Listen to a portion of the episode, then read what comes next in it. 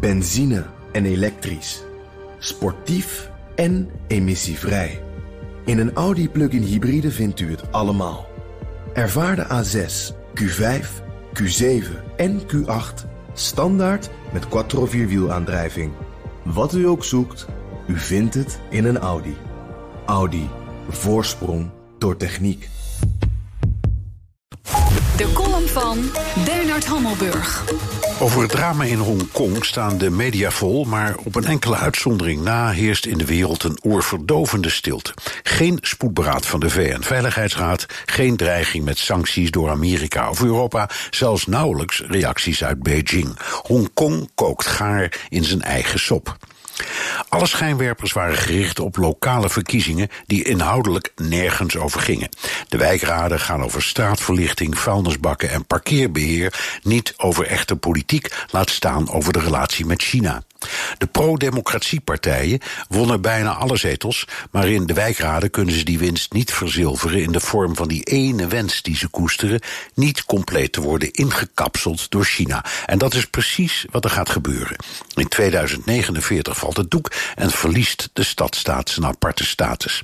Je kunt zeggen, dat is pas over 30 jaar, maar de millennials zijn dan op middelbare leeftijd en gaan die open inrichting waarin Hongkong verandert dus allemaal meemaken.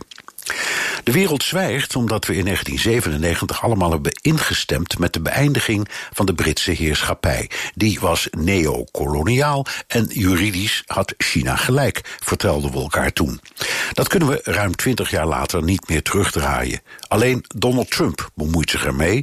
Zonder mij was Hongkong in 14 minuten weggevaagd, beweert hij. De Chinezen houden zich in omdat ze als ze ingrijpen een handelsdeal met Amerika kunnen vergeten. Hij heeft nog een punt ook. China moet ontzettend uitkijken dat het, net als 30 jaar geleden bij de Tiananmen-opstand, niet de hele wereld tegen zich krijgt door met het leger in te grijpen. Maar China is ook een geduldcultuur.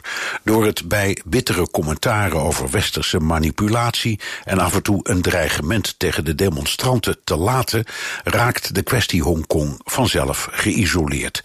De financiële wereld heeft de illusie dat China voor zijn internationale handel en het bankwezen niet buiten Hongkong kan, maar dat is steeds meer westers wensdenken.